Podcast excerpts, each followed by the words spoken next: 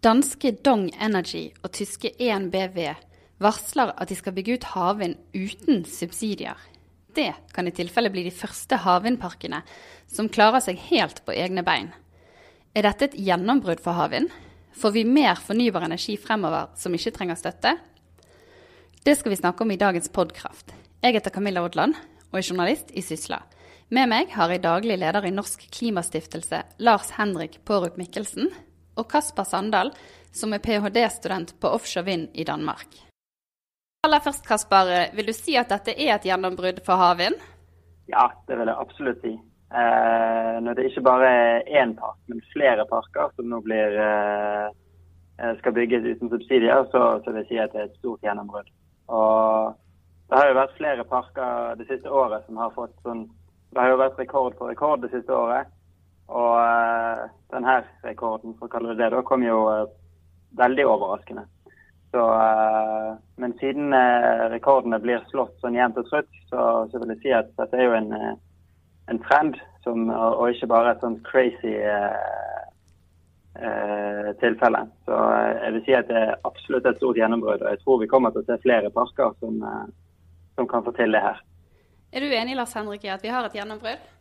Ja, absolutt. Altså For en del år tilbake så, så var jo historien den at på sol og vind, altså landbasert vind, så så du at kostnadene falt eh, jevnt og trutt. Og, og faktisk i perioder så så du at kostnadene på havvind økte litt. Eh, og det gikk ikke samme, samme, fart som så på sol- og landbasert vind.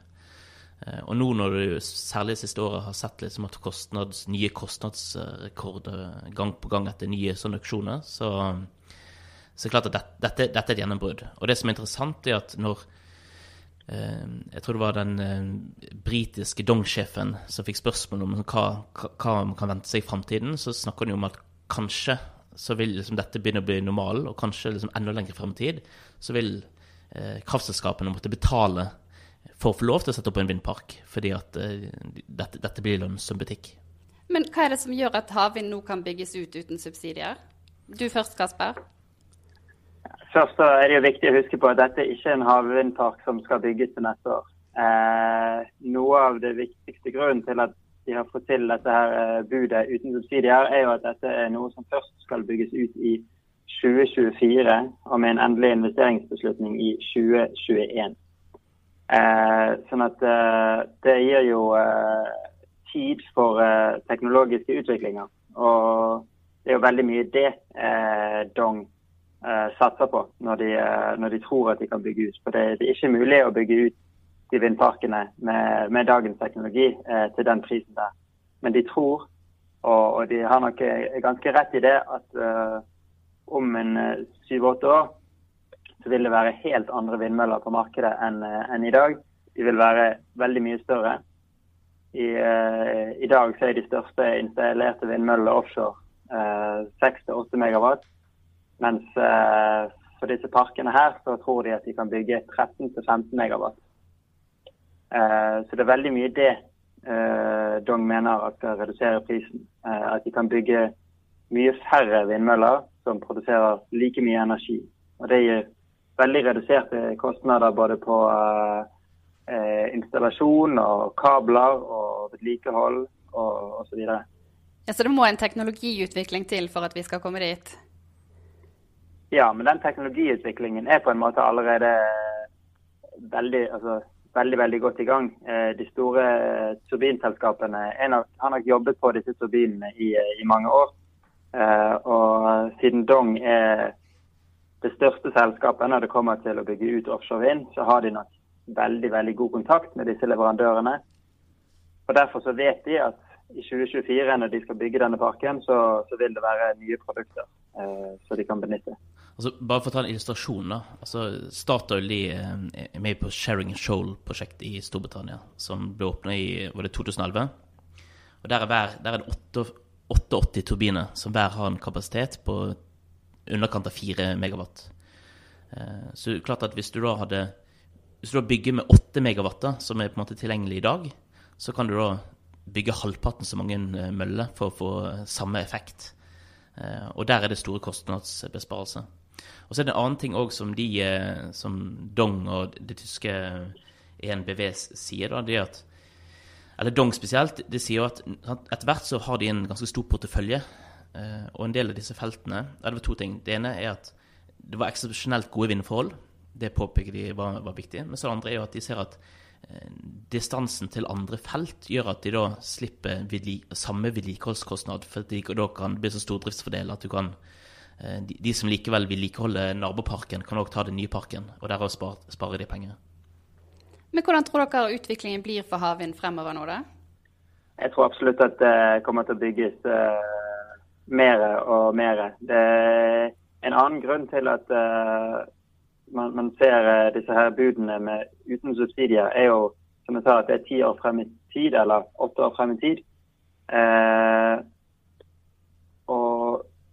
og, det at markedet på en måte har tillit til at forholdene er stabile nok til at, at de kan uh, arbeide med så lang tidshorisont, det tror jeg også er litt nytt. Altså, Havvindmarkedet har uh, modnet utrolig mye bare de siste tre-fire årene.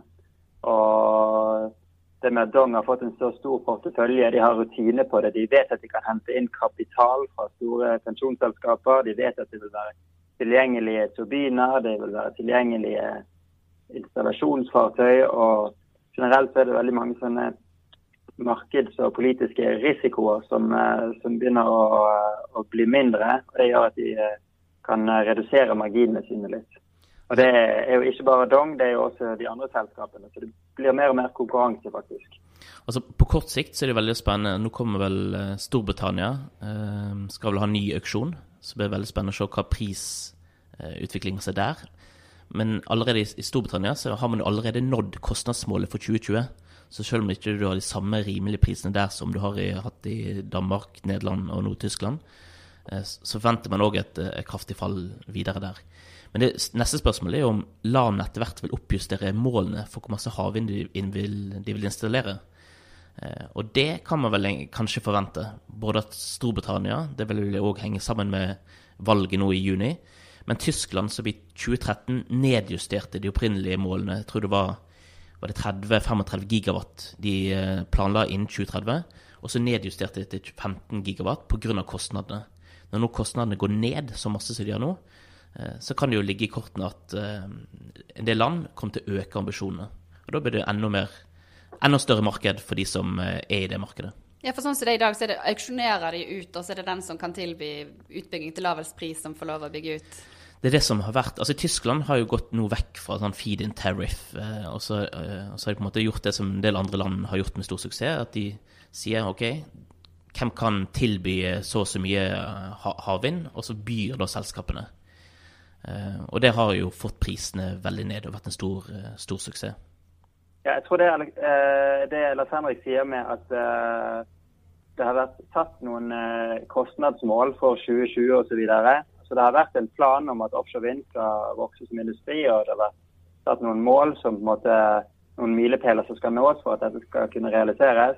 Og når man når disse målene eh, så lenge på forhånd, så, så tror jeg Lars Henrik har helt rett i at det vil påvirke politikken igjen. Det vil påvirke hvilke mål man setter. Når man ser at ting går eh, bedre enn forventet, så, så kan man eh, justere mål eh, deretter. Så, så, disse rekordene har nok eh, absolutt en innflytelse, forhåpentligvis, på, eh, på, den videre utviklingen.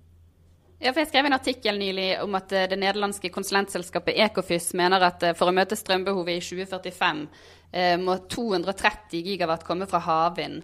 Er det et realistisk nivå? Det er jo det vanskelig å, å, å, sette seg inn i og, si, men, men, generelt så når det kommer til utviklingen på fornybar energi, så ser man jo at de fleste prognoser er jo som oftest for uh, konservative. og Grunnen til det er jo ofte at når prisutviklingen går den rette veien, så driver markedet ting veldig fort.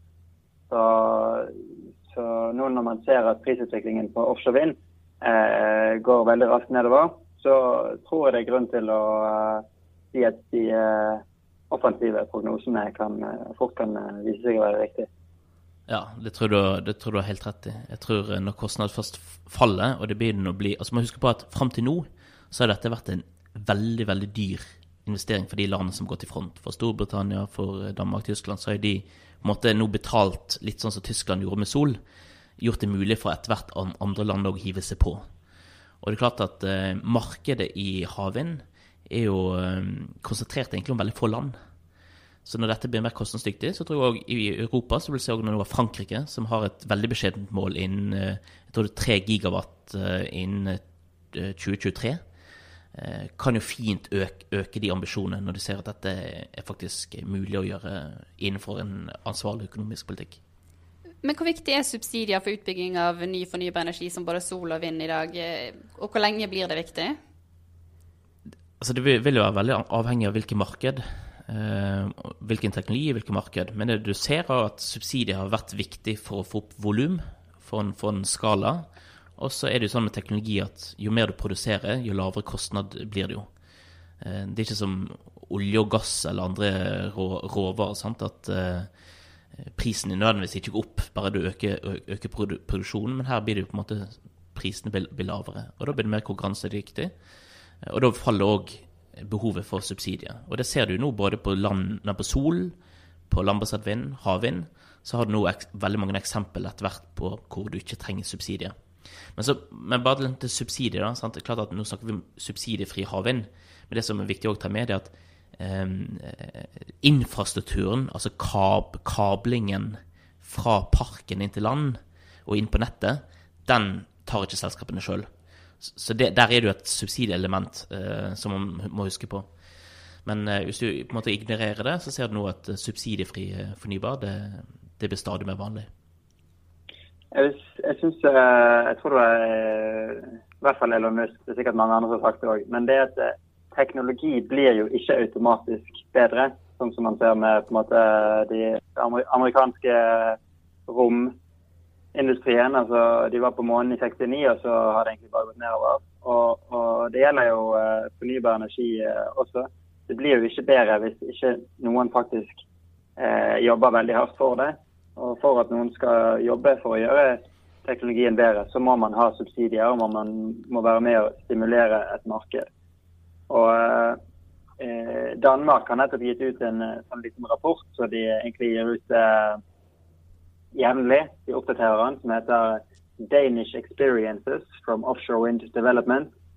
Og Der står det ganske mye om at uh, dette med å satse på offshore vind, det er ikke markedet som har bestemt. Dette var politikere som bestemte at nå skal vi uh, prioritere dette, og vi skal ha subsidier, og vi skal ha demonstrasjonsparker osv. Og, og, og dette er jo en, som Lars Henrik sier, stor og dyr uh, industri å subsidiere. Eh, og Det gjør at mange land må gå sammen om det.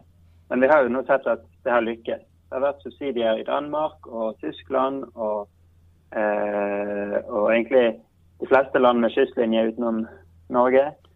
Eh, og, og, det fungerer. Så eh, man er nok ikke ferdig med subsidier, men man ser det at kostnadene har økt en liten periode, og nå er de begynt å gå nedover. Og Det vil jo si at man kan trappe ned subsidiene, som er veldig gode nyheter. Du ser òg en del andre initiativ som går litt mer sånn på systembygging. Eh, altså nå, eh, Det ble lansert en sånn idé om å bygge en sånn energy hub, en eh, kunstig sånn øy. Eh, som skal motta da på en måte masse havvind, og så distribuere det til land langs Nordsjøen eh, som, som, som trenger det. Eh, og det er klart at sånne politiske initiativ eller som backer av politikken, tror jeg, tror jeg er viktig for at liksom, dette virkelig skal uh, skyte fart. Men det du sier om Danmark, det er jo akkurat det motsatte har vært Norge. Som har sagt at uh, offshore vind er for dyrt, ergo så skal vi ikke gå inn i det, i den, uh, i det markedet. Og så har vi på en måte bare slått seg til ro med det.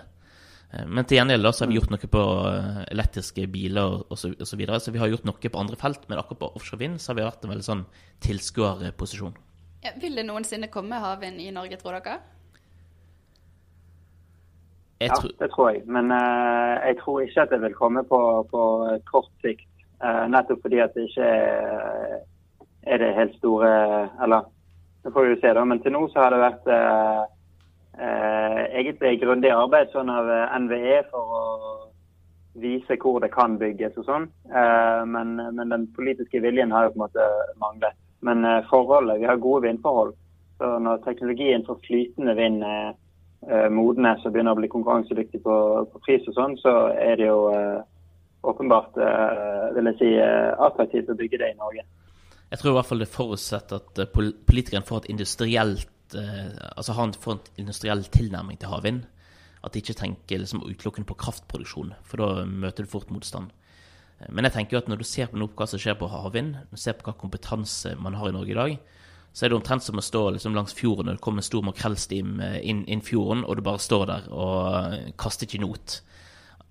Så det, det, er egentlig en veldig merkelig passiv holdning fra norske myndigheter når det kommer til havvind. Norge burde jo vært eh, sånn på, pådriver for en sånn energy hub, eh, og bygge liksom Nordsjøen som laboratorium for, hav, eh, for havkraft. Man kunne brukt våre installasjoner offshore til å forsyne de. Kanskje òg når plattformen da stenges ned, så kunne man sendt det til denne energy huben. Altså Det er mange måter hvis man har vilje, men den viljen den den har man ikke hatt til nå. Ja. Og det er fordi at man har sett dette utelukkende som en måte å generere eller produsere fornybar kraft på. Og da, har, da kommer det i konkurranse med billig vannkraft. Jeg er veldig enig i det. Man må, man må, se på det som en industri og noe, noe, som kan være et ekstra bein å stå på for mange av de leverandørene som har uh, jobbet veldig tett med, med olje og gass. Uh, og Det var et arrangement på, på ambassaden her i København faktisk, med veldig mange vindrelaterte offshore-selskaper fra både Danmark og Norge.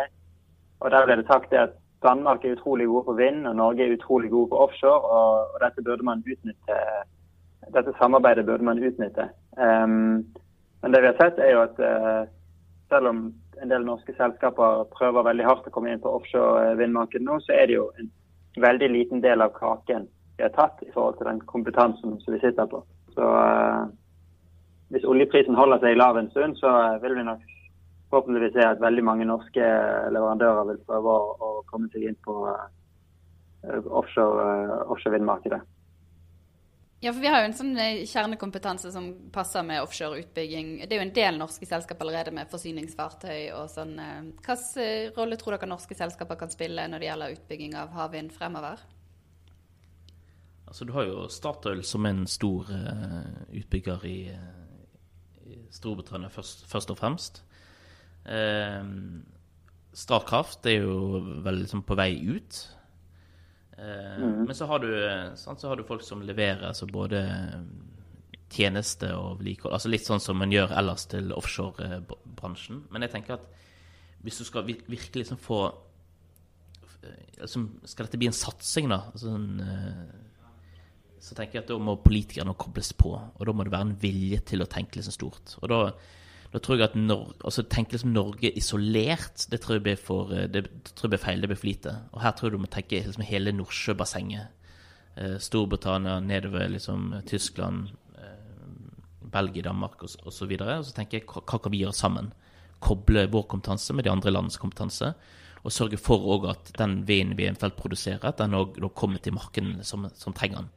Jeg tror også det er Det begynner å bli på høy tid Eh, man ser jo eh, flere og flere segmenter som måte, der toget er gått. Altså, eh, Norge hadde mange turbinprodusenter. Det, det, har vi ikke lenger. Det toget er gått. Nå, nå er det bare noen få konkurransedyktige turbinselskaper i verden, og de kjøper hverandre opp. Og, og det ender snart opp med å bare være to-tre stykker. Så det toget er Så kan man se på uh, fundamentene f.eks., der er det fremdeles ikke en helt modnet teknologi, så der er det mulig å være med og konkurrere. Installasjon, der er det absolutt noe Norge kan være veldig mye med på. Installasjon og kabler. Jeg tror også vedlikehold er noe Norge med så mye offshorekompetanse kan være veldig mye med på. Og så er det dette med, med flytende havvind. da. Bare for et par år siden var det mange som, eh, eller de fleste kanskje, trodde at det aldri ville komme. Nå eh, er det egentlig de fleste, i hvert fall sånn fra industrien, som eh, tror at flytende kommer nok til å komme på et tidspunkt. Og Der er jo en teknologiutvikling som på en måte Norge kan ta, få være med på. da. Hvis Norge som Statoil, som er verdensledende på flytende havvind, klarer å hive seg med på det toget, så kan vi kanskje kapre en del av det markedet. Istedenfor at vi lar det toget også gå fra oss. Men er det tidsvindu på flytende havvind? Eh, hva mener du med om det? Er det andre land som måte og selskap som eh, måte forsker og på en måte aktive og har ambisjoner innenfor flytende havvind? At hvis vi liksom oh, ja. det vil si eh, nesten alle selskap som jeg kjenner til eller har snakket med som holder på med, med offshore vind, de, de begynt å tenke også på flytende.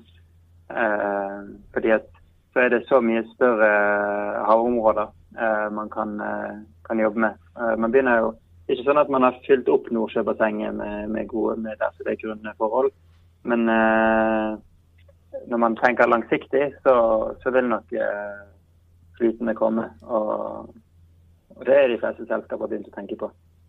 Ja, for der er jo Statoil de som er lengst og som har i gang med Hywind utenfor Skottland med fem flytende turbiner, er ikke det? Jo, så, så Statoil ligger veldig godt an der uh, og posisjonert seg godt, men de må nok eh, jobbe for å holde den posisjonen. For nå kommer det nok etter hvert mange konkurrerende konsepter. og Det er ikke sikkert at det konseptet som Statoil har, har valgt, Eh, vil vise seg å være det beste. Men det er nok det som er mest eh, modnet sånn teknologimessig nå. Så Statoil ligger veldig godt posisjonert. Men eh, det hadde jo vært eh, å foretrekke kanskje for, eh, for eh, leverandørene om, om, man hadde dette i, i Norge. Så kunne man hatt alle mulige operasjoner og, og trening av personell og, og diverse. Så jeg tror at vi har tapt noe ved at det der ble bygget i Skottland istedenfor i, i Norge. Men, uh, men, samtidig så tror jeg også vi eh, har en god mulighet til å henge med, fordi at Statoil er nettopp så ledende som det er. Og da lar jeg det være siste ord. Tusen takk skal dere ha begge to for at dere var med. Takk. Ja, selv takk. Du har nå hørt på Podkraft, Sysla sin faste podkast om det grønne skiftet fra et næringsperspektiv. Du kan abonnere på podkasten i iTunes eller din faste podkastspiller. Vi høres igjen.